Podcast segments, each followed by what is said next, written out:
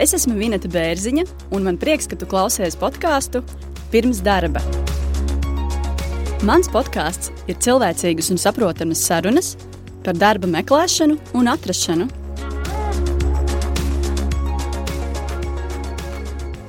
Šodien epizodē pirmā saruna ar ļoti neparastas un retas profesijas pārstāvi. Pie manis ciemojas Betija, dzīvnieku fizioterapeite pēc smagām traumām vai pēc operācijas, domāju, visi var iedomāties, kāda cik briesmīga ir tā sajūta. Un, ja tu cilvēkam var pateikt, nu, tagad pacieties, ja es tev kaut ko palocīšu, padarīšu, ja, nu, tad dzīvniekam pirmā reakcija ir sevi aizstāvēt. Un droši vien, ka noteikti tev ir jāmīl dzīvnieki, jo tev ir jāsaprot, ja arī kaut kas notiek, tev ir jāspēj adekvāti reaģēt uz to.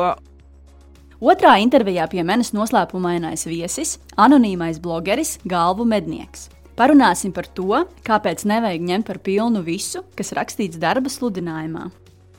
Kas, eh, manuprāt, būtu jāsaprot tiem, kuri lasa sludinājumus, ka sludinājums ir reklāma. Tas ir viens, tas ir reklāmas teksts. Un kas interesantākais, tā nav reklāma par to darba vietu.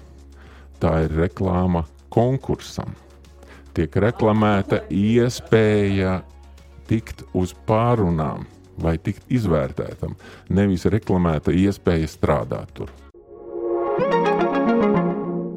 Čau, klausītāji!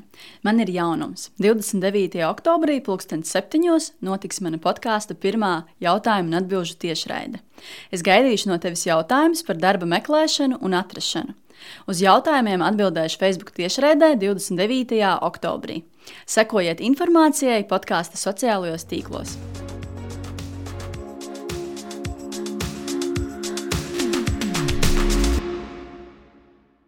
Podkāstā šodien ciemojas Betija. Ar Betiju runāšu par ļoti saudabīgu profesiju. Pavisam godīgi sakot, es nemaz nezināju, ka šāda profesija pastāv.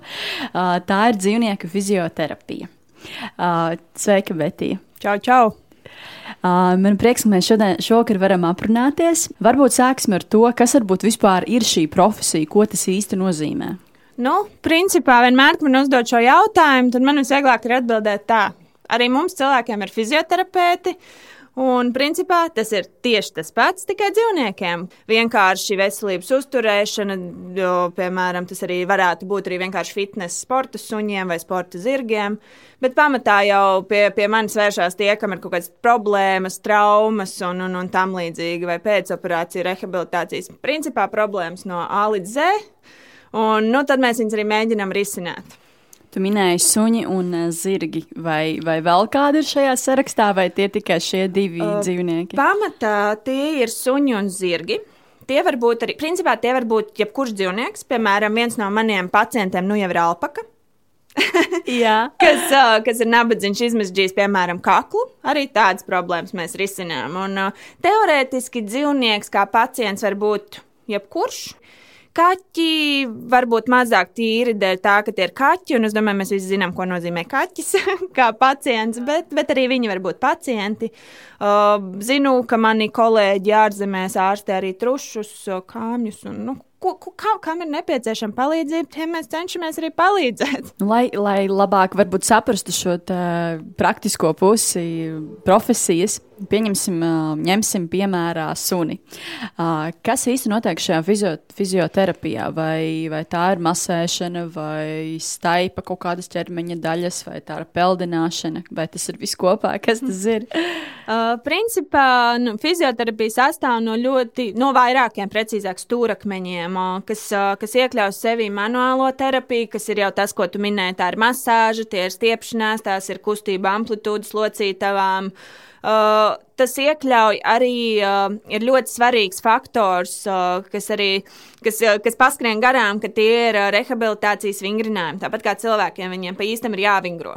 Un, uh, treškārt tas iekļauj arī dažādas elektroterapijas. Kā piemēram, varbūt baigi gudri izklausās tā, ka tās no malas tie ir lāzeri, tie ir dažādi magnētisko lauku aparāti, tie ir dažādi aparāti, kas strādā ar elektrības principu. Droši vien tāds vis, vispopulārākais, ko zinās arī cilvēki, ir tādi lipīgi, kā saka, tādi lipīgi plāksterīši, kuriem pieslēdz elektrību, ko veicina, piemēram, fizioterapeiti arī liek tādus sportistiem un cilvēkiem ir dažādi veidi, vien, kas stimulē muskuļus.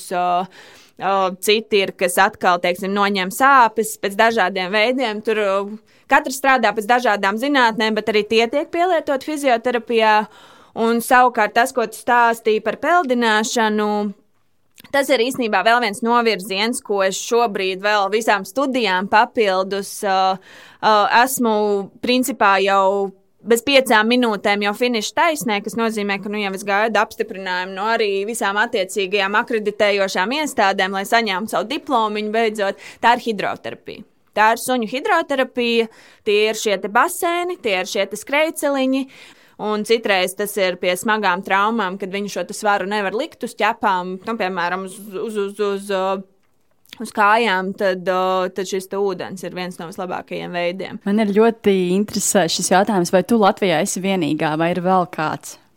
Nu, es gribētu teikt, ka ar tādu izglītību un tieši specializāciju uz, nu, jo mana pamatspecializācija ir zirgi, suņi, kaķi, tad es gribētu teikt, ka jā. Jo šis, šī izglītība ir teiksim, tā, tas ir maģistra grāts, tā ir akadēmiskā izglītība. Vispār, cik fizioterapija dzīvnieku ir ļoti, ļoti jauns jēdziens vispār veterinārā medicīnā kā, kā tādā, tad uh, ir ļoti maz. Uh, lietu un likumu, kas to regulē visur pasaulē. Kamēr lielās valstis, piemēram, tāpat Anglija, kuras studēju, kamēr viņi to sāk jau attīstīt, tas sāk kļūt kontrolēts, un ne visi to var darīt, un, un, un, un tam līdzīgi. Tad tāpat tās, tā pašā laikā tāpat vēl eksistē dažādi kursu kursiņi, kur tu izēji nedēļas kursiņu vai pat pāris dienu kursiņu un dabū diplomu, ka tu esi fizioterapeits. Un, diemžēl tas, tas netiek regulēts. Līdz ar to, tāpēc es minu tieši to, ka ar tieši šādu izglītību es esmu principā. Nu, vienīgā vai viena no, es gribētu teikt. Es, protams, nepārzinu, kas pārējiem kolēģiem ir kabatā, kāds, kāds papīrs vai kāds diploms, bet, bet principā jā, šī izglītība. Ir, ir, ir savā veidā diezgan īpaša. Tu minēji Angliju. Kas ir, tā, kas ir par koledžu? Cik ilgi jāmācās? Uh, šis ir trīs gadu kurs. Uh, pēc diviem gadiem tu iegūsti grādu, ko esmu ieguvusi es pēc diviem gadiem. Nu, jau, diemžēl diviem ar pusi ar covid man jāsaka. Uh, bet uh, tu iegūsti grādu, tu ka tu drīksti strādāt, tev ir kvalifikācija, tev ir skolas teiksim, apstiprināts šis, tā, ka jā, viss tu strādā. Un trešo gadu tu velti fiziski, ka tev ir iedots ļoti, ļoti stabils pamats, lai tu, izveidot, lai tu uzrakstītu savu maģistra darbu fiziski tu izstrādā darbu, un tu iegūsti pēc trīs gadiem, tu iegūsi šo MSC foršo burtiņu kombināciju, sev aiz vārdu var pielikt. Un, un, un līdz ar to kopā tie ir trīs gadi, bet uh, tu patiesībā iegūsi kvalifikāciju jau pēc nu, diviem. Uh, varbūt par, par, par šo te vispār ideju, kā tu līdz tai vispār nonāci, kāda bija tava motivācija kaut ko tādu vispār mācīties, cik, cik sen tas jau ir uh, iekšā tevī. Mm. Nu, godīgi sakot, droši vien visi, kas mani pazīst, saprot, ka tas tāds loģisks, loģisks lietu teiksim, iznākums. Jo, principā, kopš es sevi atceros, es esmu bijis fanātisks dzīvnieku cilvēks. Un, uh, tas ir bijis sākot ar to, ka es mācoties, nezinu, tā bija otrā, trešā klase. Nu, man bija bišķīt zem desmit gadiem tajā laikā, ja, uh, kad es izlūdzos, burtiski izlūdzos, ieraudzīju avīzē. Tajā laikā vēl nebija smartphone un viss pārējās features. Un uh, avīzē bija raksts par dzīvnieku patvērsmi. Tā laikā vēl jūglas vecā dzīvnieku patvērsme. Tā, nu, tāda eksistē. Tad man bija pirmā atklāsme, ka man vajag palīdzēt. Un, uh, jā, un tad mani vecāki aizveda īpaši, nu, man tur beigas negribēja ņemt pretī man vecuma dēļ, bet uh, tad man māma nu, pierunāja, ka ar viņas atļauju, nu, ja jau kaut kas notiek, tad viņi uzņemās pilnu atbildību. Un, uh, Jā, un tā es kļuvu par. Uh, Par, par brīvprātīgo patvērsmē tajā laikā vēl ļoti iepazinos. Tas man iedeva ļoti daudz foršas, foršas pazīšanās, kas kas nu jau paši ir vai nu vetārsti, vai nu kaut kur citur darbojas. Un, jā, un tā es kļuvu par patvērsmes brīvprātīgu, un kamēr citi mani vecuma bērni gāja dziedāšanām, dejošanām, peldēšanām, tad es visu savu brīvo laiku nometu somu gāju, uh, skrēju uz, uh, skrēju uz patvērsmī un, uh, principā, darīju visus netīros darbus. Mazgājām bļodas, augst, ledus augstā ūdenī, jo viņiem, diemžēl, nebija pieejas pat siltam ūdenim. Uh, berzām voljērus, uh, vācām kakas, tā skaitā. Darījām, principā, visu, visu netīro darbu, ko vajadzēja, to mēs darījām. Un, principā, tajā laikā, kad šis pat nebija beigts brīvprātīgo tāds, es gribētu teikt, trends, kas ir ļoti pozitīvs un uh, forši, bet tajā laikā, pieņemsim, mums izvest suņus, tas nozīmē tikai tad, ja mums ir laiks. Tad mēs varam izskriet ar suni, aiziet līdz ezeram un tam līdzīgi. Uh, bet jā, un, un, un tad vēlāk šie paši cilvēki, ar ko es iepazinos, uh, viņi man tālāk, kā saka, ievilināja vēl tālāk tajā visā dzīvnieku pasaulē, un tā es kļuvu par uh, profesionālu handleru. Un profesionāls handlers nozīmē tie cilvēki, kas izstāda suņus suņu izstādēs. Paldies maniem vecākiem, protams, kas, kas, kas, kas šo visu atbalstīja un, un, un ļāva, ļāva man izpausties. Un tas beigās arī bija tāds kā ik pa brīdim arī tāds kabats naudas darbiņš, kurus vienkārši suņi, cilvēkiem izstādīja suņus izstādēs. Un, uh, Un, jā, un laika gaitā kaut kā tā sanāca. Visu mūžu arī līdz ar to domāju, ka strādāšu ar dzīvniekiem. Domāju stāties LLU veterināru medicīnas fakultātē, bet sapratu laikam, ka mans tāds. Nu, tas emocionālā puse man arī ir droši vien ļoti no svara, un es sapratu, ka ir kaut kādas dažādas manipulācijas, ko es vienkārši nevarētu veikt. Un man jau viss teica, nekas, tu jau kļūsi par ārstu, tad tev nebūs tas viss jādara. Bet tad es sapratu, ka tāpatās, lai tiktu līdz doktoram, kas turēs tikai skalpelī, tev ir jāizdara viss. Un es sapratu, ka tas ir tas emocionālais, varbūt mīnus, ko varbūt es nevarēšu arī pārkāpt. Un tad es kaut kā Un tad es kaut kā noslēdzos, tad, kad jau pienāca tā vidusskola, es sapratu, jā, ka gribu, gribu bet, bet, vai, bet laikam neesmu līdz galam, ka tas nav mans. Plus vēl tajā laikā, kas nu jau ir krietni sanāks laiks, kas ir desmit gadus atpakaļ, arī tad vēl LLU, cik es zināju, arī vairāk strādā ar lielajiem dzīvniekiem, kas ir mailopi, nevis mājdzīvnieki. Un tad arī, tas arī mazliet bija tas, kur es pieņēmu to lēmumu, ka es darīšu kaut ko paralēli. Un tā es nonācu bioloģijas fakultātē. Un, uh, jā, absolvēju bioloģijas fakultāti ar, uh, ar novirzienu zooloģijā. Un, uh, jā, nu tā, tā, tā, tas, tā tas piecus gadus aizdīju tur, bet, nu, pabeidzu, pabeidzu to augstskolu un sapratu, ka kaut kas ka ir forši. Tāpat gan beig, beigās arī, diemžēl, nestrādāju šajā jomā, tad, kad pabeidzu. Un sāku just to kaut kādu urdu iekšā, ka baigi velk tomēr gribās tas aicinājums kaut kur velk. Un tad jau nu nācās pieņemt lēmumu, tagad tu piecus gadus pavadīsi augstskolā, nu, tev jau nāk tāds ap, apzinīgais vecums, ka, nu, ka nevar skriet pa pasauli, kā sagribās, tad nu, sāku meklēt tās opcijas. Un tāpēc es arī pavadīju droši vien pusotru gadu meklējot šīs iespējas. Un, um, tā nu es nonācu tur, kur es nonācu. Sāku sarakstīties ar skolu, sāku jautāt visu. Interesēties, jo tas, tas patiesībā arī bija ļoti, ļoti ilgs un sarežģīts process, jo tur ir ļoti, ļoti sarežģīta atlase, kas, kas, kas varbūt arī ir jāņem vērā, jo konkurss ir milzīgs. Ir atkarībā no gada tie ir 5 līdz 10 cilvēku uz vienu vietu. Un uh, arī tas ir vairāk, tas ir pirmkārt iestāja eksāmens ar reālu zirgu. Kurš tevi... Pas, pastāsti, kā tur viss notika? uh, nu, jāsāk jau ar to, uh, nemānīšos, stājos divas reizes. Pirmajā gadā es neiestājos, un neiestājos tāpēc, ka piesēju zirgu uh, tajā saucamajā boxā, tas ir viņa stāļa mājiņa. Kaut gan, uh, ne, precīzāk, es negribēju viņu siet, jo Latvijā nu, cik, cik man arī bija tas viss, tas arī ar zirgu pieredzi, cik man bija ļoti gudri, viedi cilvēki, zirgu cilvēki, kas ir auguši Latvijā ar zirgiem. Viņi visi kā viens teica, nu, tad mēs ar droši vien to eksāmenu nenoliktu, jo Latvijā mēs tā vienkārši nedaram. Bet uh, tur ir Anglija, tur ir citi noteikumi, viņi dara tā, un tev tas ir jāzina. Un tā viena mazā kļūda man maksāja vienu gadu no nokavētām studijām. Jā, tā, tā, tā es esmu šeit. Divus gadus, divus, gandrīz trīs jau gadus vēlāk esmu šeit.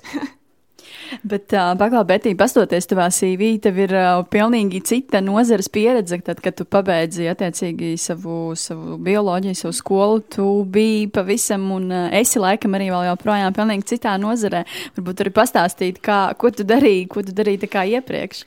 Uh, nu, par to es vienmēr saku, tagad izaugšu liels, būšu multimākslinieks, spriežot pēc savas CV. Bet, uh, bet jā, kaut kā dzīve salikās tā, ka paralēli savām uh, bioloģijas studijām es uh, vienu vasaru sāku piestrādāt kā uh, asistents vienā no lielākajām pasākuma aģentūrām tajā laikā.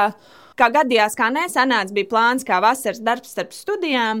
Un tad es uzkavējos tur krietni ilgāku laiku, nekā bija plānots no visām pusēm. Jau bija ļoti forša sadarbība, un uh, ne, nepalaida mani viss šis vaļā. Bija laikam lemts vēl vēl arī iepazīt mazliet citus šķautnes, gan no sevis, gan no vispārējā. Un, un, un tā es nonācu pie pašas, pašai savas uh, pasākuma aģentūras, jā, uh, kas arī bija rītīgi labs piedzīvojums kaut kādus gadus, trīs. Nu, kaut kā grūti salikt to laika posmu, jo tas viss bija, viss bija kopā. Un arī, arī, arī vēl paralēli studijām bija arī sanācis, kas arī pastrādāja mazliet valsts struktūrā.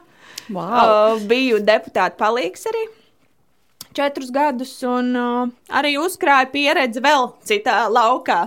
Līdz ar to tas tāds, uh, tāpēc es smējos par to multimākslinieku. Bet tev šobrīd jau ir kādi klienti, attiecīgi kādi dzīvnieki, kuriem tu uh, veic šo fizioterapiju? Jā, jā man ir. Uh, vairāk pacienti, kā jau minēja, arī alpaka tā skaitā. Yeah. Uh, ir gan suņi, gan zirgi, un, un, un uh, ļoti dažādām traumām, problēmām, iedzimtām slimībām. Piemēram, viens, viens laikam no tādiem pēdējiem mans uh, lielākais gandrījums ir. Uh, viens sunīts, uh, kuram pēc traumas bija disku trūce, un kas uh, ļoti bieži dzīvniekiem gadās tā, ka, kad notiek disku trūce, tad atsaka kājas.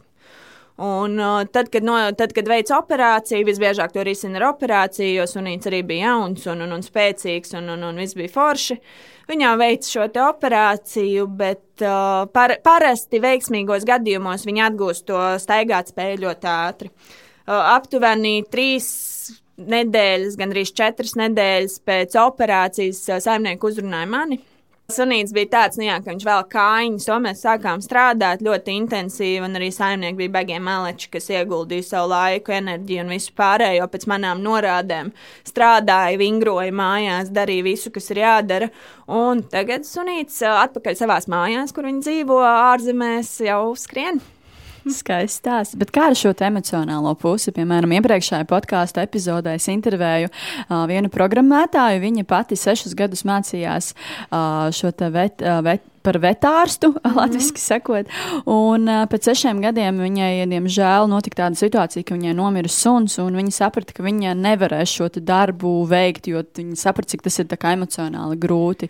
Un kā tev ir šo emocionālo pusi, jo es saprotu to, ka šajā darbā arī nevienmēr būs šie veiksmes stāsti, ka ir arī kaut kādi varbūt netik, netik veiksmīgi stāsti. Kā, kā tu plāno ar, ar to tikt galā, un vai tu skolā par to mācījies, un kādas ir tavas sajūtas? Protams, ka tā emocionālā puse jau īstenībā ļoti labi mūs norūdīja jau manā pirmajā mācību gadā. Kad uh, mēs mācījāmies, mēs mācījāmies uz reāli, mēs mācījāmies principā preparēt dzīvnieku. Uh, ļoti laba vetārsta ķirurga pavadībā. Un, uh, tas, ir, tas varbūt arī tas, ko es minēju par tiem varbūt, kursiem, kur cilvēks iziet nedēļu, pastāst grāmatiņu, uh, nezinu, pat, nezinu, varbūt kādu dzīvu suni pataus muskuli un liekas, oh, foršas, tagad esmu fizioterapeits. Nu, mēs to darījām līdz brīdim, kad tu atnāc, atnāc uz uh, anatomijas zāli un tev ieved vienkārši iemidzināt suni. Ar ādu, nu, pil, pilnīgi tev ir. Diemžēl iemidzināts sunīts. Citiem vēl bija siksniņi, kas man bija pilnīgi, man bija augsts kājas tajā brīdī, kad saprotu, tas ir tas ir dzīvnieciņš ar stāstu, tas ir kāda saimnieka dzīvnieks, mīlulis un tam līdzīgi. Un tas jau bija tas pirmais kultūras šoks, ka Tev ir jāizdara tas pirmais grieziens, uz tā ar to skalpeli, un tu saproti, bet es taču neesmu ķirurgs, es taču negribēju to darīt, bet tu saproti, ka tas viss ir process, un ka tas ir, tev ir, jo pēc tam, īstenībā, nu, viss mans tas kurs cilvēks kaut ko šādu mācās ar, nu, tāpēc, ka mēs esam kaut kā ļoti piesaistīti tiem dzīvniekiem, mēs viņus mīlam, un, un, un mums ir kaut kāda milzīga empātija. Un tajā brīdī, kad tev tas ir jāizdara, man bija vairāk cilvēku, mums kursa biedri ģība, teica, ka es nevaru, es, es tikai filmēšu. Nu, jau mums tur bija vesels mājas darbs no tā, es tikai filmēšu, vai es tikai fočēšu, bet es neskaršos klāt. Tas, laikam, ir tas brīdis, kad es sapratu, kā, kā tie dakteri vispār, vai tie ir cilvēki, vai tie ir dzīvnieki, kā tu mācies distancēties, jo tā sajūta pēc tam ir briesmīga. Es nemelošu, mēs visi pēc tam, mēs divas, divas, nu, tā kā divu nodarbību tādā milzīgā milzīgā dienas stundu garumā, vienkārši graizi, graizi to dzīvnieciņu. Ja? Nu, tā sajūta patiesībā ir briesmīga. Tu pēc tam tāds, nu, nu man nu tāda laikam dzīves uztver, ja tu kaut bišķīt vari kādam palīdzēt. Vai tas ir ar padomu, vai tas ir vienkārši ar paklusēšanu telefonā. Nu, tad, tad tu jau pa pusēs uzvarēsi dzīvi droši vien. Ja tu vari kaut vienam cilvēkam palīdzēt dzīvē, nu tad tā kā krāt karmas punktus. Kādam jābūt cilvēkam, lai vispār šādu darbu varētu darīt? Man liekas, ka ir tikai viens svarīgākais. Lai darītu lietu, droši vien tev ir super ļoti jāmīl dzīvnieki. Jo ir jāsaprot arī tas, ka manā darbā tu pamatā strādā ar dzīvniekiem, kam sāp, kas ir uztraukušies līdz ar to, kas, kas iespējams ir kaut kādā nu, es negribu teikt, transa stāvoklī, bet nu, mēs, piemēram, pēc smagām traumām vai pēc operācijas, domājam, visi var iedomāties, kāda cik briesmīga ir tā sajūta. Un, ja tu cilvēkam var pateikt, nu, tagad pacieties, ja es tev kaut ko palocīšu, padarīšu, ja, nu, tad dzīvniekam pirmā reakcija ir sevi aizstāvēt. Un droši vien, ka noteikti tev ir jāmīl dzīvnieki, jo tev ir jāsaprot ja arī kaut kas notiek, tev ir jāspēj adekvāti reaģēt uz to. Un, uh, savā veidā, kā, kā, kā man paši arī ģimene smējās un draugi smējās, ka tas ir varbūt arī tev ir jāsaprot tie dzīvnieki līdz ar to mazliet kaut kādā citā līmenī. Tev ir jāspēj just kur zirgs liks kāju, lai viņš tā viņu neuzliek virsū. Un ar laiku tas kaut kā ieietās, ka tu kusties arī tam dzīvniekam riņķī, tā kā tāda ēna, ka, ka tu jau vienā brīdī jau saproti, kur viņš liks kāju, ka tu savu kāju paņem malā un tam līdzīgi. Tas ir, nezinu, tas varbūt ir kaut kāds ar laiku vienkārši profesionāls izveidojās jau kaut kāda sastā sajūta, bet, bet es domāju, ka tas ir ļoti svarīgi, ka tu savā veidā izproti tos dzīvniekus mazliet vairāk nekā varbūt cilvēks, kam ar to vispār nav sakara. Man arī personīgi interesē tāds jautājums, ko, ko darīt, ja tas dzīvnieks uh, ir uh, nu, sabijies vai viņš kož, kā, kā uzvesties, kā rīkoties, ko darīt. Vai tev ir bijusi tāda situācija, ka tevi sakož varbūt? Nu, tik traki nav bijis, jo arī šeit vienmēr tev ir jāsaprot un arī ir ļoti svarīgi arī izskaidrot saimniekam, ka citreiz uh, nevienmēr, nevienmēr tu vari uzreiz ar pirmo reizi mesties. Vienalga sunim, zirgam, tagad darīt pilnīgi visu, iztaipīt, iz, iztaustīt visas kājas vai, vai, vai izdarīt jebko, uh, ko citam sunim tu vari mierīgi, ka viņš tur izguļās, vispār mēli izskrien, nu vispār jau aizmiegt pirmajās trīs sekundēs. Un ir ļoti svarīgi saprast, ka citreiz tādas lietas prasa laiku ir citreiz pilnīgi normāli, ka tev pirmā normālā sesija ir pēc četrām reizēm, kad tu tur esi bijis. Bet uh, es vienmēr cenšos uh, atrast to veidu un to pieeju katram. Es domāju, ka man ļoti palīdz uh, šī pieredze darbā, piemēram, ar patvērsmes suņiem. Jo tur gan man pāris reizes gan ieķēra, gan, gan, gan viss kaut kas ir bijis, bet es arī vienmēr es apzinos, ka tā nekad nav bijusi dzīvnieku vaina. Kā ir ar klientiem? Vai šī joma vispār ir, ir perspektīva Latvijā, vai tomēr uh, vairāk ārzemēs uh, ir klienti? Nu, uh, es domāju, ka šī joma pasaulē aug nenormālā tempā. Un, uh, ja varbūt pagaidām mūsu sabiedrība vēl nav pietiekoši izglītota tādā izpratnē, ka mums vienkārši nav šo speciālistu, lai, uh, kas varētu arī izglītot. Gribās teikt, jā, ka tā interese ir milzīga. Jo cilvēki saprot, ja viņi saprot, ka tu vari palīdzēt, tad nu, pati zini no savas pieredzes, par savu sunu es mēnesi nonestu, ja vajadzētu nu, no, no debesīm. Tikai tāpēc, ka ja es varētu atrast veidu, kā viņam palīdzēt, ja viņam ir slikti. Un tāpēc es domāju, ka tas, ka tas tikai augs. Vienkārši vajag, vajag vairāk stāstīt, izglītot un, un, un vienkārši iedot to informāciju, ka kaut kas tāds eksistē. Paldies tev par šo ieskatu dzīvnieku fizioterapijā. Priekš manis tas noteikti bija kaut kas jauns. Ceru, ka arī klausītājs kaut ko jaunu uzzināja. Un es uh, ticu, ka tev viss izdosies, jo tev ir tāda liela apņemšanās, un arī es jūtu, ka uh, liela mīlestība pret dzīvniekiem. Uh, tā kā paldies, uh, Betī, par, uh, par šo sarunu. Un, uh, jā, vēlu veiksmus, lai tad viss izdodas tev. Paldies, liels! Tev arī, lai viss izdodas! paldies!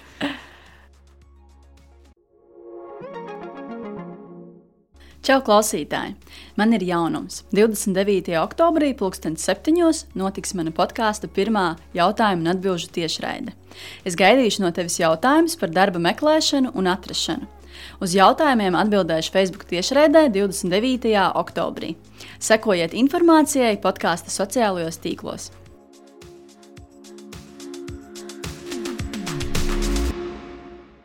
Šodien podkāstā pie manis viesojas bloga autors galvenmednieks.com. Gribu atzīmēt arī to, ka šis blogeris ir anonīms. Tātad, lasot viņa blogu, nevar saprast, kas tad īsti ir autors. Bet kā jau kādu laiciņu uh, sekoju šim blogam un lasu, jo tas ir saistībā ar manu profesiju, ar darba, uh, darba meklēšanu, personāla atlasi un saistība, saistītām tēmām. Un, uh, un jā, īstenībā man radās arī tāda ideja, kāpēc varbūt uh, citi uh, manas jomas speciālisti nav mani uzrunājuši un nav pieteikušies podkāstā.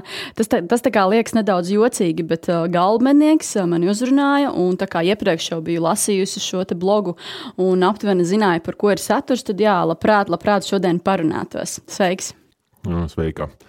Um, Es varbūt gribēju pajautāt, un, un kā tev pašai šķiet, kāpēc tavi kolēģi nav tevi uzrunājuši, un kāpēc ir tā, ka man bija tāda izdevība pirmajam šeit ierasties un parādīt sevi?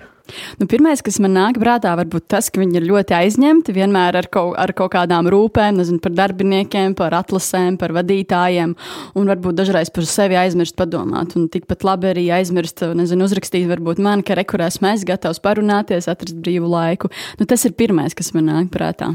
Um, jā, man varbūt ir uh, nedaudz uh, cits viedoklis vai cits priekšstats par to, par saviem uh, nu, nezinu, vai var tā teikt, kolēģiem, tā, personāla atlases cilvēkiem. Nezinu, vai tur ir pie vainas tā, tā aizņemtība. Bet jau tad, kad es izlēmu rakstīt blogu, es konstatēju, ka, ka vispirms Latvijā nav tāda bloga latviešu valodā, kur, kur būtu oriģināls saturs, kur kāds cilvēks raksta savu kaut kādu personīgo pieredzi regulāri par personāla atlases lietām jautājumiem un, un varbūt raksta nevis no tāda viedokļa, ka kaut kādā veidā tur apgaismot publiku par kaut kādām jaunām pasaules vēsmām vai kaut kādām jaunām teorijām vai, vai, vai neparastām praksēm, bet, bet varbūt drīzāk mēģina rakstīt kā kaut kādu palīgu darba meklētājiem, ikdienā strādājot darba meklētājiem. Citreiz tu redzi, un tev pilnīgi žēl to cilvēku, cik viņš ļoti kaut ko nesaprot vai kaut kā nepareizi dara. Un, Un, un, un tā, kā, tā, kā gribās palīdzēt, nu, tas bloks bija viens no tādiem mēģinājumiem. Tas bija mans mēģinājums to izdarīt, šo te, nezinu, palīdzēt sev vai palīdzēt kādam citam. un, Un tas, um, tas skaidrojums, kāpēc tas, tas bloks bija vienīgais, es domāju, tas no vienas puses ir varbūt uh, tā kā slinkums, jo iespējams, ka es neesmu pats slinkākais cilvēks, tad citi ir, ir vēl slinkāki un uz rakstīšanu.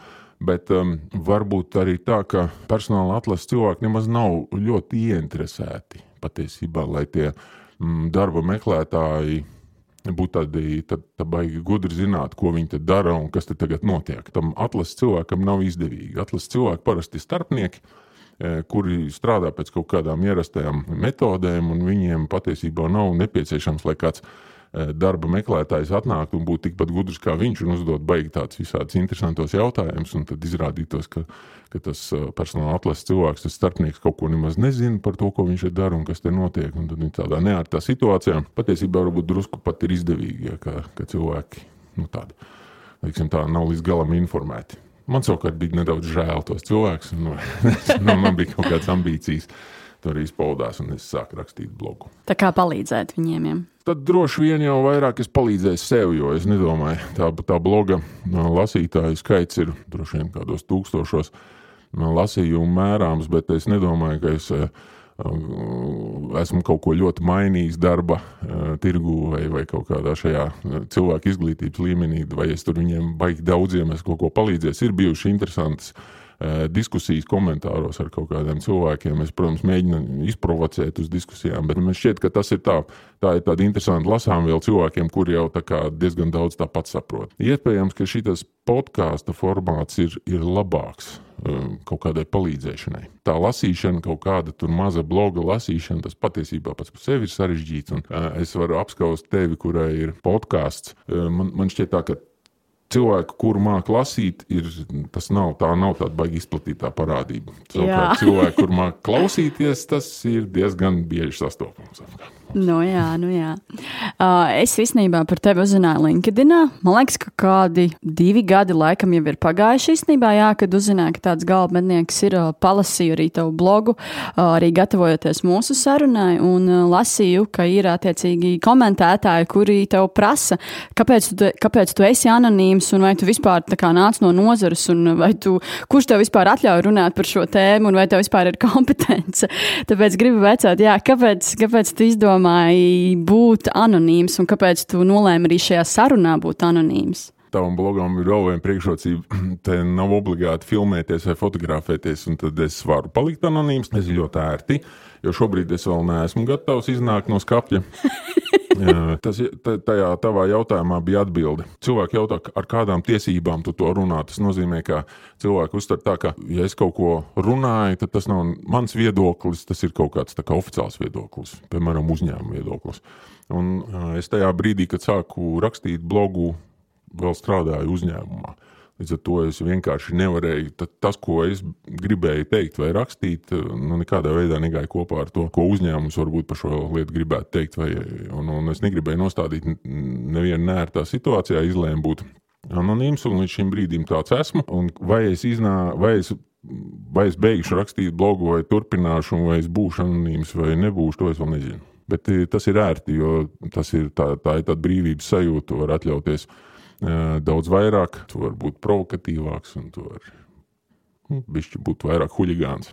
Labi, tad ķersimies varbūt pie šodienas tēmas. Šodien labprāt parunātu par darba sludinājumiem, darba sludinājumu lasīšanu. Uh, arī es esmu saņēmusi jautājumus no darba meklētājiem, kā saprast, kā lasīt darba sludinājumus, jo, uh, diemžēl, darba meklētāji īsti nesaprot, kā, kā to darīt pareizi. Lai sagatavotos mūsu sarunai, es uh, izlasīju tavu, tavu blogu, konkrēti divus rakstus. Uh, viens raksts bija vairāk tieši par šo darba sludinājumiem, par darba sludinājumu lasīšanu. Es domāju, ar ko lai sāk. Varbūt nocitēšu vienu, vienu teikumu no, no, tava, no tava bloga kopumā. Varbūt, jā, par blogu pastāstīšu, lasot, lasot jā, ik pa laikam gribās smieties blogā, jo viņš nav, jo tas bloks netiek rakstīts nu, tā akadēmiski. Tur ir aprakstīts ļoti, ļoti interesanti salīdzinājumi un daudzas arī tādas smieklīgas lietas. Teikšu atklāt arī dažas lietas, kur man gribējās pielikt daudz jautājumu zīmes no manas skatu punkta, bet jā, tas teikums, ko es gribēju izlasīt, tātad tu citēji savā blogā, ka visos sludinājumos vienas un tās pašas nekonkrētās frāzes frāzes atkārtojas. Tas, attiecīgi, ir, ir domāts par darba sludinājumiem. Jā, es, es attiecīgi tam, tam varu, varu piekrist. Un, un kāds, kāda ir tā tava pieredze un ko tu par to vari pateikt? Lai runātu par, par darba sludinājumu, tātad vispirms ir jāsaprot tā, ka Latvijā ir īpatnēja situācija. Mums darba sludinājumu dēlis internetā ir faktiski teiksim, tā viens, tas ir monopols, tas ir CV online, kur ir nezinu, lauvas tiesa lielākā daļa no sludinājumiem, tātad publicētajām vakancēm. Un šis te raksts ir, ir vairāk par, tā, par klasiskajiem sludinājumiem. Nu, varbūt ir tā, ka tas ir tāds žanrs, kurš mirst un, un pamazām iznīkst, bet Bet tas ir uh, literatūras žanrs, un tam, tam uh, sludinājumam tas ir kaut kāds teksts, ja, uh, kuram, uh, kurš ir ļoti tradicionāls un konservatīvs. Un ir iegājies kaut kādus, nezinu, entos desmitus gadus, viņu rakstīt pēc kaut kādas vienas matricas. Viņš parasti sastāv no trīs daļām. Sludinājumā, nu, varbūt četrām. Tad, tad pirmā, kas, kas bieži vien iztrūkst, ir kaut kāds apraksts par uzņēmumu, kaut, kā tur, kaut kāds ievads, un tad ir trīs daļas. Uh, darba pienākumu, prasības un uh, piedāvājums. -hmm. ja, un tur dažādā secībā. Tad, ja tas uh, literatūras žanrs ir tik ļoti ierobežots ar kaut kādām, nu, viņš ir tāds, kāds ir, tad ir ļoti grūti izdomāt cilvēkiem kaut ko jaunu. Kaut ko oriģinālu. Ja mēs saprotam, ka mm, ziedu laikos sludinājumi, kas, tika, kas tajā uh, sludinājuma dēlī atradās, tur bija vairāki tūkstoši sludinājumu katru dienu, kas ir nezinu cik gadus entie tūkstoši tādu sludinājumu ir saradīti, un pilnīgi skaidrs, ka tie cilvēki, kuri viņus tos sludinājumus raksta, nu, viņš nevar katru reizi izdomāt kaut ko jaunu. Tur ir savi žanra likumi, un viņi pēc tiem žanra likumiem arī vadās. Un tie cilvēki, kas raksta, viņi reāli uh, bieži vien vairs uh, viņi raksta autopilotā. Viņi vispār nemaz nedomā, ka to kādam, ko viņi tur uzraksta, būtu kaut kas no tā jāsaprot. Uh, Es, es gribu, varbūt tā pirmā, pirmā svarīgā pieturas lieta par sludinājumu vispār ir tā, kas, manuprāt, būtu jāsaprot tiem, kuri lasa sludinājumus, ka sludinājums ir reklāma. Tas ir viens, tas ir reklāmas teksts. Un kas interesantākais, tā nav reklāma par to darba vietu. Tā ir reklāma konkursam. Tiek reklamēta iespēja vairāk, ja? tikt uz pārunām vai tikt izvērtētam, nevis reklamēta iespēja strādāt tur. Un te uzreiz otrā atruna, ja mēs šeit runājam jau no paša sākuma, cilvēki, kur tavu podkāstu ieslēgs nedaudz vēlāk, un varbūt šo vietu nedzirdēs, mēs uh, izņēmām ārā no šīs sarunas uh, IT vakanču tēmu. Tas ir, tas ir cits jautājums. Kāpēc? Ja? Tāpēc, ka IT vakance parasti ir, ir ļoti konkrēts, ļoti šaurs specializēts darbs, kur jau no nosaukuma vien ir skaidrs, kas tam cilvēkam jādara. Vieglāk saprotama. Ja, tur ir terminoloģija, un tur bieži vien pēc tā, kas ir rakstīts nosaukumā, pēc tiem četriem, pieciem vārdiem, visiem ir skaidrs, kas tas ir pa darbu. Interesē, kur, kādā firmā, cik maksā viss. Tur nav runa par tekstiem. Tad tur tajos IT sludinājumos tur varbūt vidū vispār nekas nerakstīts. Sludinājumi vairāk ir vajadzīgi tiem cilvēkiem, kuriem nav kaut kādas baigas konkrētās profesijas. Viņš varbūt viss kas drusku pārdod, drusku birojā strādā, drusku kaut ko vēl darīt, drusku tā kā vadīt, drusku tā kā rakstīt, drusku tā kā ar klientiem un tam līdzīgi. Visi tie cilvēki, viņiem tas sludinājums ir, ir, ir tas, ko tie ir tie cilvēki, kas lasa sludinājumus un apjūk. Ja? Tad, kad viņi lasa sludinājumu, tad viņiem ir nu, tā, tā bieži vien tā neskaidrība par to, kas tur ir rakstīts un kāpēc. Un tā tad e, tā sludinājuma funkcija ir nevis kādam pastāstīt par to, kas tas ir par darbu, bet kādu ieinteresēt, atsūtīt savu pieteikumu vai atnākt uz, uz pārunām. Tā, e, par ko bija jautājums? Jautājums bija par to, ka tu minēji, ka visos sludinājumos ir vienas un tās Jā. pašas nekonkrētās frāzes, tās visu laiku atkārtojas. Jā. Piemēram, nezinu, tur komunikācijas prasmes, labas angļu valodas Jā. zināšanas uh, un tā tālāk. Es jau paskaidroju iepriekš, ja man, man izdevās sevi pārtraukt ar paskaidrojumu par to, par to kā tas, tos sludinājumus raksta vieni un tie paši cilvēki, un, un vajag saprast, ja, kā Mm, daži tie cilvēki, kuri strādā kaut kur tur, kur ir rakstos sludinājums, saraksta varbūt uh, desmit sludinājumus un katru dienu jaunus. Teiksim, nopublicē. Nu, labi, varbūt ne 10, bet 5. Un tā gadiem no vietas. Ja. Līdz ar to gaidīt, lai viņi tur katrā baigi iedziļinās, tas ir, tas ir neiespējami. Līdz ar to, lai tas sludinājums pēc kaut kā izskatītos, viņā tiek izmantotas kaut kādas visādas dežūra frāzes tā galvenā lieta, kas, kas varbūt ir lasot sludinājumu, ir, ir vispirms jāsaprot, kuras ir dežūra frāzes un kur, kur ir tā kaut kāda būtiskā informācija. Kam ir un kam nav jāpievērš uzmanība. Kam vispār ir kaut kāda nozīme, un kam ir mm -hmm. nozīme tikai tāpēc, lai, lai, aizpildītu, uh, lai aizpildītu vietu. Nu jā, pirms tam meklējot, varbūt var pastāstīt to, ka man pašai nepatīk rakstīt darba sludinājumus. Uh, viens no iemesliem, laikam, arī tas, ko tu minēji, ka tur ir uh, tur pirmkārt ir diezgan garlaicīgi, jo ir konkrē, konkrētas lietas, kas tur jāliek. Tur ir diezgan maz nezinu, tādai izdomai. Tev ir jā, jā, jābūt konkrētos, konkrētos rāmjos. Un uh, vēl arī tas, ka bieži vien tu īsti nezini, ko tu rakstīt. Tad, uh, tad parasti tiek meklēts internetā no kaut kādām, varbūt, uh, nezinu, ārzemju vakantiem vakancēm kaut kādi piemēri. Un tad notiek vienkārši kopēšana, liek iekšā šo te tekstu iekšā. Uh, pēc tam labākajā gadījumā, labākajā gadījumā vadītājs šo te apskatās. Uh, es runāju šobrīd vispārīgi par savu, par savu darba pieredzi iepriekšējo.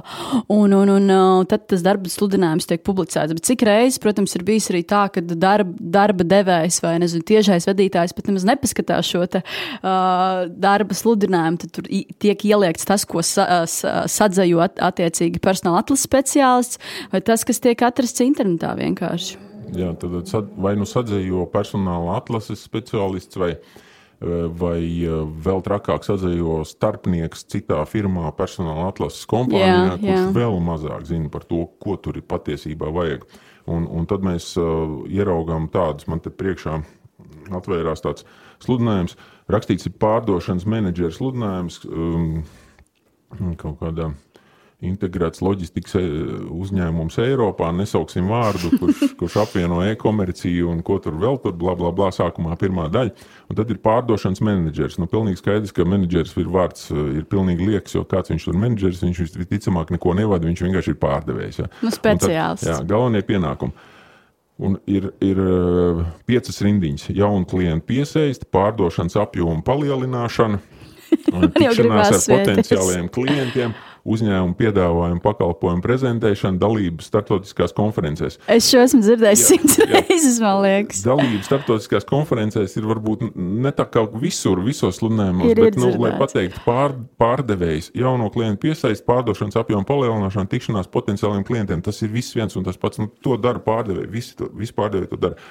Nu, cilvēki nevar saņemties, uzrakstīt vienkārši vajag pārdevēju un izlaist šo daļu. Nu, vajag pārdevēju, kurš pārdod. Nu, viņam ir kaut kas tur jāieraksta, viņš ņem un ieraksta. Līdz ar to uh, lasīt nopietni un, un mēģināt saprast, uh, ko viņi ar šito ir domājuši un ko tas nozīmē. Tas neko nepaskaidro un tas ir tikai vietas aizņemšanai. Nu, un, attiecīgi, prasības. Uh, ir apmēram no tās pašas eh, sērijas. Vismaz 5 gadu pieredze aktīvajā pārdošanā, nu, labi, nu, tur, tur jautājums ir par tiem gadiem. Nu, vajag ņemt vērā, tā, ja ir 2 gadu pieredze, tas nozīmē, ka tu arī bez pieredzes vari mēģināt sūtīt. Ja ir 5 gadu pieredze, tad viņiem vajag tādu, kurš zina, ko viņš tur pārdos, jo tiem noteikti nedara tāds cilvēks, kurš šito jau nav darījis iepriekš. Tad, Bet kāda starpība tev 4 vai 5 gadu pieredze? Tas, tas cipars nozīmē to, ka uh, tas darba devējs uh, pie, ierakstot piecu gadu pieredzi, viņš tev pasaka, tā, es neesmu gatavs gaidīt, kad tu iemācīsies. Es gribu, lai tu atnāc strādāt, un jau tajā pašā mēnesī, vai nezinu, tajā pašā nedēļā no tevis ir kaut kāds labums. Ja ieraksta divu gadu pieredzi, tad viņš varbūt pieļauj, ka tur ir kaut kāds kolēģis, kuram tu paskatīsies, kā viņš tur dara, un kaut ko tur tev būs laiks kaut kāds iešūpoties. Šī, es, es, tas parasti to nozīmē. Un tad, tad prasībās šajā teicams komunikācijas un pārliecināšanas prasības. Negaidīt, vai ne pārdevējiem. Kurš kaut ko tādu varētu iedomāties, pajautāt pārdevējiem? Ļoti labas prezentācijas spējas, tas ir atsevišķi. Tas atšķirās no teicamām komunikācijas un pārliecināšanas procesiem. Teicams, krievu un angļu valodas zināšanas pa valodām varam atsevišķi, pēc tam spēju plānot un organizēt savu darbu pastāvīgi. Šis te par to spēju darboties pastāvīgi, vai otrs teikums spēju darboties komandā.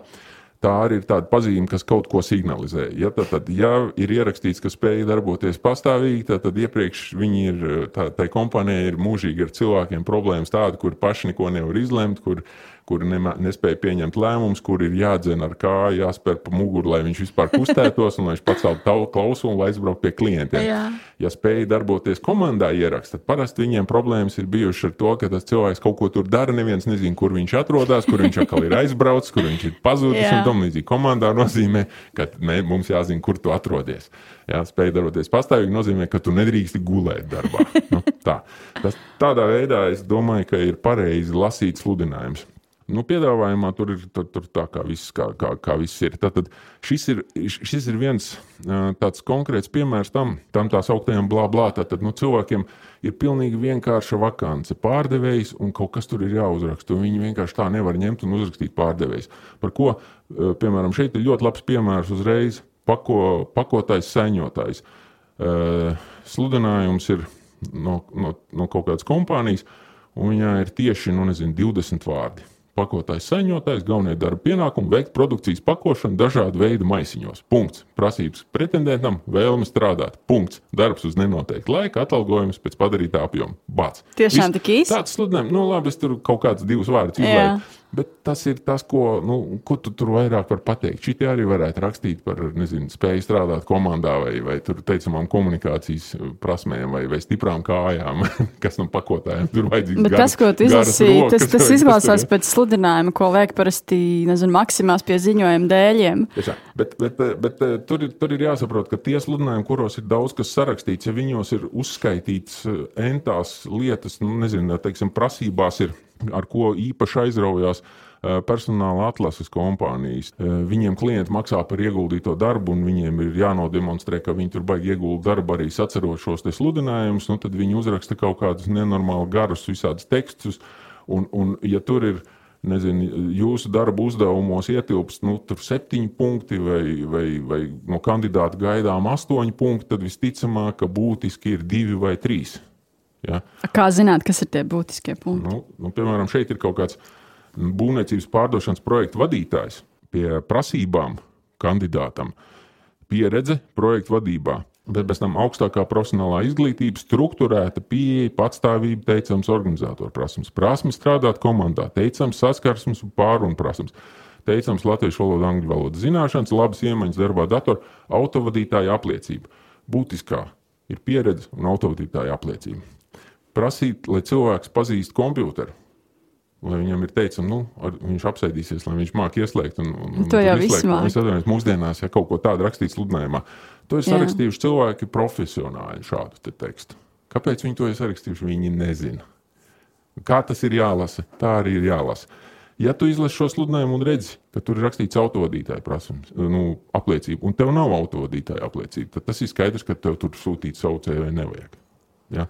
Par pārējo visu tur var jau struktūrētā pieeja, prasme strādāt komandā un tam līdzīgi. Nu, tas nav nekas tāds, ko tu vari par sevi izvērtēt vai ko tu vari uztvert nopietni. Es pieļauju, ka visi cilvēki nu, nevar tā prasīt, lai visi to ļoti labi saprastu.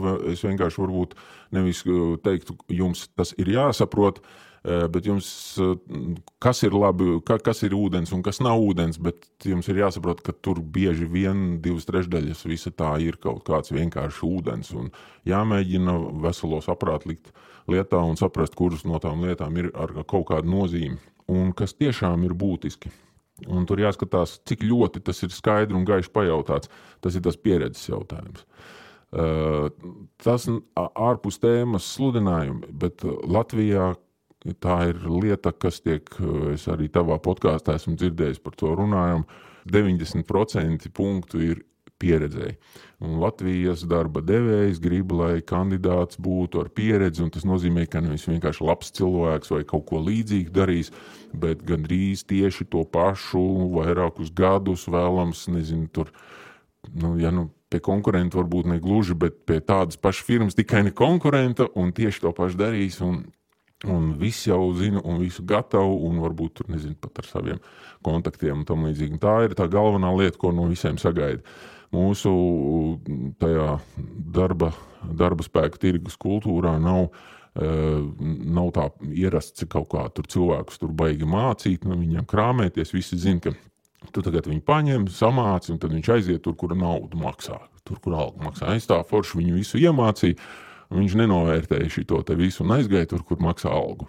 Ja, tad, ja tur ir tā ļoti uzsvērts un vēl ar kaut kādiem daudziem gadiem tā iepriekšējā pieredze, tad nākamais, kas cilvēkam ir jāapskatās, sludinājuma malā var redzēt, cik viņš reizes ir skatīts tas sludinājums un, un cik tur ir pieteikumi sūtīti. Ja, tad var viegli pateikt, ka tas skaits, skatījumu skaits sludinājumam, kurš it kā ir kaut kādas, nezinu, tur divas vai trīs dienas, ir 3000, un uz viņiem ir 150 pieteikums sasūtīt, tad ir pilnīgi skaidrs, ka Ja tu, mīļais cilvēks, neies no tieši tās nozares, nu, tur spriežot pēc uzņēmuma nosaukuma, tu vari tur pagūglēt, saprast, ko viņi tur tirgo vai kas viņi tādā ir. Tu neesi tieši tādā pašā amatā strādājis, un tur ir pieminēta pieredze. Nu, tad viss, nu, tu, tu vari nesūtīt to savu CV. Tur, tur vispār lasīs tikai tos CV, kur, kur atradīs pazīstamu firmu nosaukumus, un kur tas amata nosaukums pēdējo, nezinu, 3-4 gadu laikā būs tāds, kāds viņš tur ir minēts. Nu, tā ir tā būtiskā lieta, kas ir, eh, kas ir darba sludinājumos. Un, vēl, protams, kad ir, ir jēga darba sludinājumos, vienmēr pievērst uzmanību tam uz laiku vai patstāvīgi. Tas ir tas, ar ko nejokojās. Ja? Tā, tad, tā, tā ir tā lieta, ko, nu, ja slēpj, tad nezinu, tas ir muļķīgi. Ja, bieži vien to neslēpj, bieži vien varbūt to nenovērtē vai nesaprot. Tas nav bla bla. Ja tur ir rakstīts, ka darbs ir uz laiku, tad ir uz laiku. Un tad ir uzreiz caur to arī jāskatās, kāpēc tāda jocīga alga, kāpēc tāda jocīga pienākuma, kāpēc viņi vispār meklē tā, tā pieredzi un, un tas, vai tas ir uz, uz, uz pavisam vai uz laiku, ir tās lietas, kas, kas ko es teiktu nopietni lasīt tajā sludinājumā ņemt pa pilnu. Pārējo visu tur var tā interpretēt. À, tas savā blogā raksta, ka īsto taisnību, ko tad īsti būs jādara šajā vakancē, var uzzināt tikai darba intervijā. Vai darba intervijās, vai tad tiešām visi pastāsta, kā ir, vai tur arī ir vairāk puķītes tomēr? Tas droši vien arī ir atkarīgs no tā, vai, vai, vai tas um, kandidāts vai pretendents prot tajā darba intervijā kaut ko mēģināt uzzināt. Ir tā, ka darba intervijā, ja tu nepajautās, tev var arī nepastāstīt, kas īstenībā ir jādara darba intervijā parasti pie mums ir pieņemts, ka eh, kandidāts aiziet un viņam ir jāprezentē sevi. Eh, es gan visiem cilvēkiem mācīju un ieteicu, nekautrējies uzdot jautājumus un tam līdzīgi. Bet tas varbūt ir vairāk attiecās arī uz to darba interviju, kur tur jau ar kādu darba devēju pārstāvu runā. Ja tu ej uz, uz, uz, eh, uz pārunām, uz starpnieku firmu, uz, uz pie personāla atlases kompānijas, tad ir skaidrs, ka baigi cerēt, ka viņi tur baigi labi zina, kas tev tieši būs jādara, nav nekāda pamata. Ja, viņi zina apmēram tik daudz, cik viņi ir ierakstījuši sludinājumā parasti. Tas ir eh, bēdīgi maz. Tā. Nu jā, man atkal ir tā pieredze, ka darba intervijās es parasti, vai arī vadītājs, kas piedalās intervijā, parasti pastāsta par to, kas būs, jā, kas būs jādara konkrētam cilvēkam, konkrētajā vakancē. Bet es pieļauju, ka du, droši vien Latvijā ir ļoti daudz šādu interviju, kad uh, kandidāts atnāk uz interviju, viņam pilnīgi neko nepastāsta ne par uzņēmumu, ne par, uh, ne par uh, vakanci, ne par to, kas būs jādara, bet tikai uzdod jautājumus. Un tad, ja šis cilvēks kaut ko pajautā, nu, tad viņš kaut ko uzzina. Bet, ja viņš jūtas tāds, nu, ko tad es, ko bieži vien latvieši ir tādi kautrīgi un neko nepajautā darba intervijās, tad varbūt arī tā, ka šis cilvēks aiziet mājās un tā arī neko nav sapratis, kas tad viņam būs jādara tur. Tas tā ir, jā, un, un es, es domāju, ka šo, ar to sajūtu droši vien ir pazīstami daudzi cilvēki un droši vien arī daudzi tava podkāstu klausītāji. Uh, ka, kad, kad ir kaut kādas darba intervijas, kurās nav skaidrs, kurš vispār, pa, pa ko tas vispār bija un kāpēc tā, un mm. vai tas bija mm. labi vai slikti vai tam līdzīgi. Tas, tas viss ir saistīts ar šo te, uh, sludinājumu rakstīšanas kultūru, jo uh, tā, tajā sludinājumā bieži vien atspoguļojās tas veids, kādā tas darba devējs vai, vai, vai rekrūteris ir, ir gatavs runāt par, par to darbu ta, ko viņš pats ir gatavs pastāstīt. Jo bieži vien viņiem pašiem tas priekšstats ir miglains. Bieži vien uh, tas priekšnieks līdz galam nav izstāstījis, un, un, un kas, kas visbēdīgākais, bieži vien tam priekšniekam nav īsti skaidrs, ko tas cilvēks tur dara. ko viņš īsti tur dara? Vai ja tāda vakance nav bijusi iepriekš? Uh, Citreiz ir tā, ka uh, tur ir bijis kaut kāds cilvēks, viņ, viņš ir kaut kā tā saucies, bet viņš ir kaut ko bijis citu darījis. Tad viņiem tagad vajag kaut kā drusku tā, tā kā savādāk, bet viņi nezina, kā tieši. Tad viņi kaut kā ieraksta tur tajā sludinājumā kaut, kādu, kaut ko sacer un kaut ko apraksta. Un, un bieži vien aiz, aiz tā mm, ir, ir kaut kāda improvizācija. Tur nav nemaz tāda, tāda, tāda, tāda īsta tāda amata līdz šim nav bijis. Tur cilvēks kaut ko ir apvienojis, kaut ko tur darījis kopā. Un, un, un, un, un tagad viņi izdomā kaut ko jaunu. Līdz ar to tur bieži vien no tā, tā, no tā sludinājuma nevar saprast neko ne tikai tāpēc, ka nav labi uzrakstīts, bet ka tajā galā arī tur īsti neviens nesaprot. Un tad tas ir tāds skaistuma konkurss. Ja? Tu tiec uz to, uh, uz to interviju. Un tad tu no tā, kādu tu tur iespēju atstāji, cik tev tur tās acis deg, vai, vai, tu, vai tu nesarunā kaut kādas tādas lietas, kas viņiem liekas galīgi nepareizas, ja, tad tu attiecīgi arī tiec tālāk. Es, es izlasīšu vēl vienu citātu no tava bloga. Tu raksti vairāk domāt, kur aizsūtīt savu CV, un mazāk domāt, kāpēc nesūtīt. Kāpēc tu to iesaki? Ir divi veidi cilvēki. Ir tādi, ir pirmie tādi, kuri visus dala visādos veidos, un otrie tie, kuri nedalīja. Es tur mēģināju nodarboties ar tādiem vingrinājumiem, sadalīt cilvēkus. Principā ir divas pieejas. Ja? Mm, es viņus varbūt pat sauktu par vīrišķo un sievišķo pieeju CV lasīšanai. Vīrišķā pieeja ir tāda, ka tu paņem CV, un ja tu atrod vienu lietu, kas tev liekas tīri ok, tad tu bliez. Bliez vienkārši, jā. jā. Uh, tad Pilnīgi pietiek, ka tas nekas, ka tur ir sešas lietas, kas ir tā, nu, tu vispār nesaproti, pa ko, un divas lietas ir tādas, kuras tu pilnīgi noteikti ne, nekā ar tevi nesaistās. Ja? Bet viena lieta ir, ja, nu, nu, un tev, tev visā to pietiek. Un otra pieeja ir tāda, ka tā kā tu lasi tā uzmanīgi un visu līdz galam. Viss tev baigi patīk, bet tur vienā vietā tur kaut kas rītīgi nav tā, kā tev patīk. Un tad tu drošības pēc nesūti. Ja? Uh, cilvēki ir dažādi un, un, un dažādi sevi vērtē un, un, un dažādām tur, teiksim, drosmes pakāpēm. Un, un šeit ir tā, ka tie cilvēki, kuri uh, bliež, uh, parasti vinnē. Ja?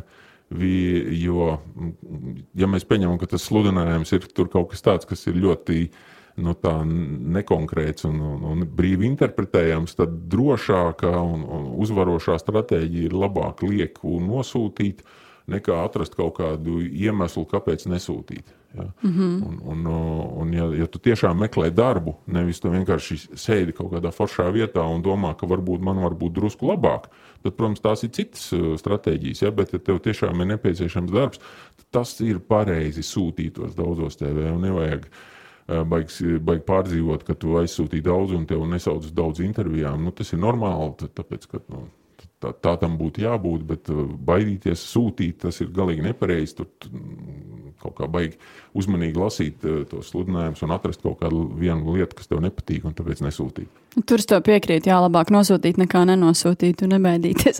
Kad tu man stāstīji par, par šo, es atcerējos sevi kādreiz, kur es nesūtīju darba sludinājumus. Es atceros, ka kādreiz es nesūtīju uz tām vakancēm, kur prasīju ļoti labas angļu valodas zināšanas, jo es baidījos, domāju, ārprāts, starptautiska kompānija, tur droši vien prasa ļoti labas angļu valodas zināšanas, bet man taču nav perfektas.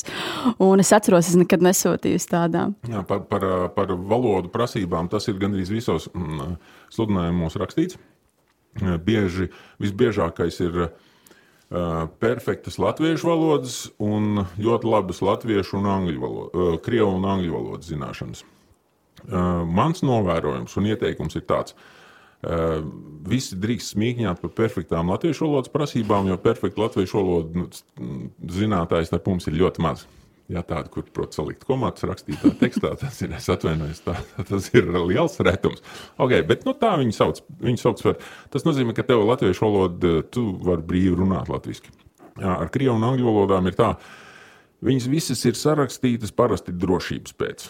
Un visbiežāk ir tā, ka kādu no viņiem vajag vairāk vai mazāk. Un, un mūsdienās tā tendence pilnīgi noteikti ir tāda, ka arvien mazāk var, uh, ir nepieciešama un arvien vairāk var iztikt bez krievu valodas. Un arvien grūtāk ir bez angļu valodas. Piekrīt, jā. jā. Ja tur ir visas trīs rakstītas, un, un jums ir latviešu un angļu, un tur tā krievu valoda ir pieminēta, tāpēc vien kavēties sūtīt savu CV nevajag. Ja. Uh, Mēs nezinām, kāpēc tā krievi ir ierakstīta. Ja viņi ir ierakstīti tāpēc, ka tas ir krievu kolektīvs un apkārt tev visu dienu runās tikai krieviski, un tu tur jutīsies muļķis, tāpēc, ka tu neko nesaproti, tad tas ir vienīgā situācija, kad viņi tiešām ir nepieciešami. Darbam ar klientiem un tam līdzīgi, ja tev ir laba angļu valoda, tad mūsdienās tur jau var visu izrūlēt. Nu, pat veikalā. Vēl viena lieta, kas grib arī nocitēt no, no, tava, no tava bloga. Uh, jebkurš kandidāts ir ieplānota vilšanās darba devējam, un, lai viss būtu godīgi, kandidātam tiek sagādāti nepatīkami pārsteigumi, uzzinot savus reālos darba pienākumus.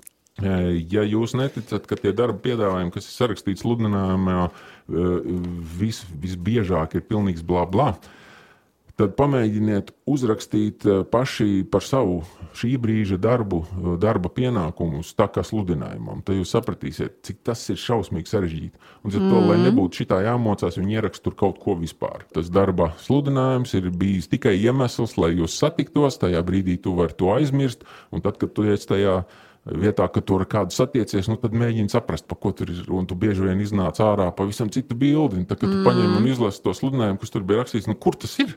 Par ko mēs te vispār runājām? Tas taču pavisam kaut kas cits, ko mēs te tikko apspriedām. Tas ir absolūti normāla situācija. Vēl viena ļoti svarīga lieta, ko gribu šodien izrunāt, kas mums obligāti ir jāpasaka klausītājiem, arī par ko tu raksti savā blogā, tas ir par, par termiņiem, kas ir norādīti darba sludinājumos. Bieži vien man darba meklētāji saka, piemēram, rekurs redzēja, ka tur ir tāds un tāds termiņš, ah, es nepieteikšos, droši vien jau palikšu tur trīs dienas, man nav, man nav, man nav jēgas pieteikties. Ko es parasti saku darba meklētājiem? To, ka pirmkārt, ja mēs runājam par CVLV, kur parasti visbiežāk tiek publicēti šie darba sludinājumi, tad parasti uh, visbiežāk šis darba sludinājums tiek publicēts uz vienu mēnesi. Un ļoti bieži ir tā, ka šis sludinājums tiek pagarināts uz vēl vienu mēnesi, vēl vienu un vēl vienu, un tā visu laiku. Un līdz ar to es nezinu, kā tu domā, bet droši vien man piekritīs, jo tas arī rakstīts tavā blogā, to, ka uh, es darba meklētājiem neieteiktu noteikti skatīties uz šiem datumiem, kad ir publicēts darba sludinājums, un to pilnīgi neņemt vērā. Un, ja tu jūti, ka, tev, ka tu esi teiksim, tā derīgs šai vakancē, tad sūti savu CV un nešaubies to, ka konkurss tūlīt beigsies. Jo, jo tomēr tā atlase notiek nu, teiksim, tā, pilnīgi citādāk, nevis varbūt kā bija nezinu, pirms 20 gadiem. Uh, ir tā, ka visu laiku notiek telefona zvani, telefona intervijas, nevis tā, un, un klātienes intervijas. Nevis tā, ka mēs sagaidām konkursa beigu dienu, X, izskatām vakances, un tad visus kandidātus aicinām uz interviju. Nu, nē, tā nenotiek. Tieši tā, vairumā gadījumu tā nenotiek. Un, ja notiek tā, kā tu tikko saki, ka, ka kāds tur sagaida kaut kādus uh, dienu X un tikai tad uh, tiekās darba devējs, direktors tā ir izlēms, ka viņš tā darīs, tad parasti e, sanāk tā, ka no desmit kandidātiem, kuriem viņš tad grib un ir gatavs tikties, tieši divi atnāk un viens no viņiem jau pasaka, ka vispār es strādāju, jau jā, citur, bet jā, nu, es varētu jā, ar jums jā. parunāties, ja jūs varat kaut ko piedāvāt. Vienīgā lieta, ko vajag ņemt vērā, ka, ja aktīvi meklē darbu, vajag to sludinājumu skatīties katru dienu un jāmēģina uzķert, kad tas sludinājums parādās. Jo skaidrs, ka jo ātrāk nosūtīs, ir salīdzinoši lielākas cerības, ka tavu CV vismaz izlasīs. Ja? Mm. Uz, uz normālu vakanci atsūta. Uh, tur nezinu, uz to pašu manis uh, noraksturoto pakotāju, tur simts plus uh, pieteikumu. Un skaidrs, ka viņi visticamāk no 50. līdz 100. kas ir atnākuši, vispār nemaz neatvērs vaļā. Jo viņi tur no pirmajiem 50 uh, izvēlēsies 10 cilvēkus, ar kuriem parunāt, un tad viņiem jau šī tā būs pieriebies, ar viņiem runāties, vienu no viņiem paņems, un tos 50 pēdējos neizlasīs. Tā, jā, jā. tā nozīme ir mēģināt uztvert, uzķert to tās sludinājumu parādu no sākuma un labāk, ātrāk aizsūtīt, nevis sēdēt un tad, tagad domāt par to sludinājumu kaut ko tur un aizsūtīt kaut kad vēlāk. Vai, piemēram, tāds piemērs, ko esmu dzirdējis no darba meklētājiem Es tagad vēl nesūtīšu, es gribu savu CV uh, teiksim, tā, uzlabot tur pēc nedēļas, un tikai tad sūtīt. Es saku, nē, sūti tagad. Jā. Uh, CV uzlabošana ir ļoti laba lieta, bet uh, tikai, tikai tad, ja tu zini, ko tur vajag tieši uzlabot. tu vienkārši tu tāpatās kaut ko pieķibini, ja, tad uh, tu noteikti neko tur daudz neuzlabo, un tu vienkārši zaudē to iespēju nokļūt tās kaudzītes uh, kaut kādā virspusē. Bet tas īstenībā ir tas, ko es arī iesaku darba meklētājiem. Nu, varbūt tas ir vairāk saistīts uz tādām uh, pozīcijām, darba sludinājumiem, kas ir atšķirīgas. Piemēram, nezinu, pārdevējs, uh, nezinu, pārdevējs pa telefonu, uh, konsultants nezinu, salonā. Uh, nevis, piemēram, nezinu, grāmatvedis. Grāmatvežiem es neieteiktu varbūt katru katram, katram darba sludinājumam pielāgot savu CV, bet tādām var, varbūt vairāk atšķirīgām vakancēm es tiešām ieteiktu arī, ko es, ko es lasu arī tavā blogā, ka tu arī to iesaki, kas ir tāds ideālais variants darba meklētājiem, ka tomēr savu CV un motivācijas vēstuli kandidāts pielāgo uh, katra, katram konkursam. Par, par grāmatvežiem, ar grāmatvežiem ir tieši tāpatās kā ar, ar, ar IT cilvēkiem. Grāmatvedis ir tā saucamā hard skill profesija, kurā ir pilnīgi skaidrs, ko dara grāmatvedis, tāpat kā IT programmētāji vai developeri vai, vai vienalga testētāji vai kaut kā tamlīdzīga. Iedziļināties katrā atsevišķā profesijā, tas nav šīs sarunas, protams, tāds nu, saka, mērķis, tas ir par daudz sarežģīti. Ja šeit mēs runājam par tādām vakancēm kā visādi, visāda veida biroja darbi, visāda veida darbi ar klientiem, visāda veida pārdošanas darbi, sākuma vidēja līmeņa pusvadīšana un viss, kas tam līdzīgs tāda, tādos darbos. Baigi ievilkās mums tā saruna. Ko. Jā, Nē, manuprāt, bija ļoti interesanti. Man personīgi, teikšu, atklāti lasot to blogu, man bija tāda sajūta, ka varbūt mūsu viedoklis atšķirsies dažās tēmās. Man pat bija ne, nedaudz tā tāds satraukums, varbūt, ka cerams, ka nesāksies kāds strīds, strīds mūsu sarunā. Bet jā, es personīgi, jā, man bija interesanti un ceram arī, ka mēs klausītājiem iedavām kādus padomus, kā lasīt CV un nevis CV, bet darba sludinājumu. Varbūt ir kaut, kādi, kaut kādas atziņas, kaut kādi padomi, ko var ņemt, priek, paņemt priekš sevis ceļa maizē. Un, jā, man, man, man personīgi patīk lasīt tavu blogu, ik pa laikam ieskatīties. Un ceru, ka turpināsi un, un, un varēšu sekot jaunumiem, kas, kas notiek darba tirgū un lasīt, kā, kāds ir tavs viedoklis un tavs redzējums uz varbūt uz tādām vienkāršām lietām, jo tu tās pasniedz, teiksim, tā interesanti un netipiski. Jā, tad ātri par, par turpināšanu. Tagad esmu tādās pārdomās, vai man nevajag pāriet podkāstu formātā. Tas man būtu daudz vienkāršāk turpināt, jo rakstīt man ir grūti. Es esmu slīgs. Bet uh, par, uh, par, par pārējo uh, tas varētu būt ārkārtīgi interesanti. Es nezinu, ja es varētu atļauties cerēt uz kaut ko tādu, ka pēc šīs sarunas kāds noklausoties to sarunu kaut kādā veidā uh, Eh, izteiks kaut kādu savu viedokli, tavu podkāstu, nezinu, komentāros vai kaut kur citur. Iespējams, kaut kādus kaut kā iz, iz, izraisīt diskusiju vai strīdu. Tas man ir sapnis, protams. Bet, bet, Jā, to kā, bieži var lasīt tavos komentāros. Jā, tā kā labprāt gaidīja strīdus un viedokļus. Bet, ja tiešām cilvēkiem liekas, ka tas ir kaut kādā veidā noderīgi vai, vai, vai, vai kā savādāk noteikti, ja, ja viņi atļausies to pateikt, nekaunēsies to pateikt kaut kādos tavos komentāros vai sazinoties ar tevi. Es pilnīgi noteikti man te ir ļoti iepaticies, ļoti mājīgas telpas un, un draudzīgi un, un cienā ar visādiem garšīgiem dzērieniem.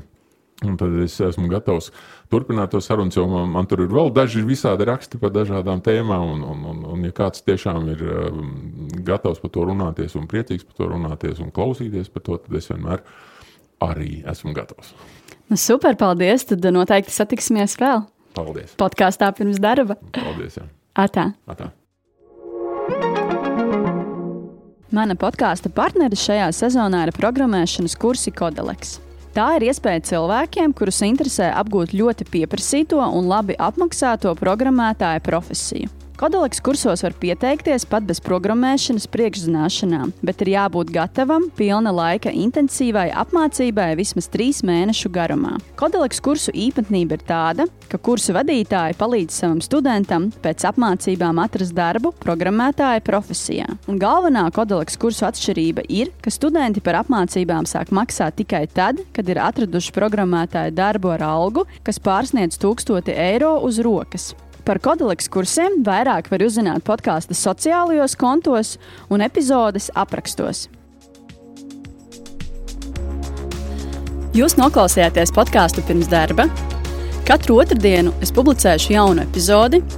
Lai nepalaistu to garām, sadraudzējies ar mani Apple un Google podkāstu platformās un Spotify. Seko podkāstu tapšanas stāstiem Facebook un Instagram. Raksti komentārus, iesaki sarunu tēmas, pastāsti savu darba meklēšanas stāstu. Uz sadzirdēšanos!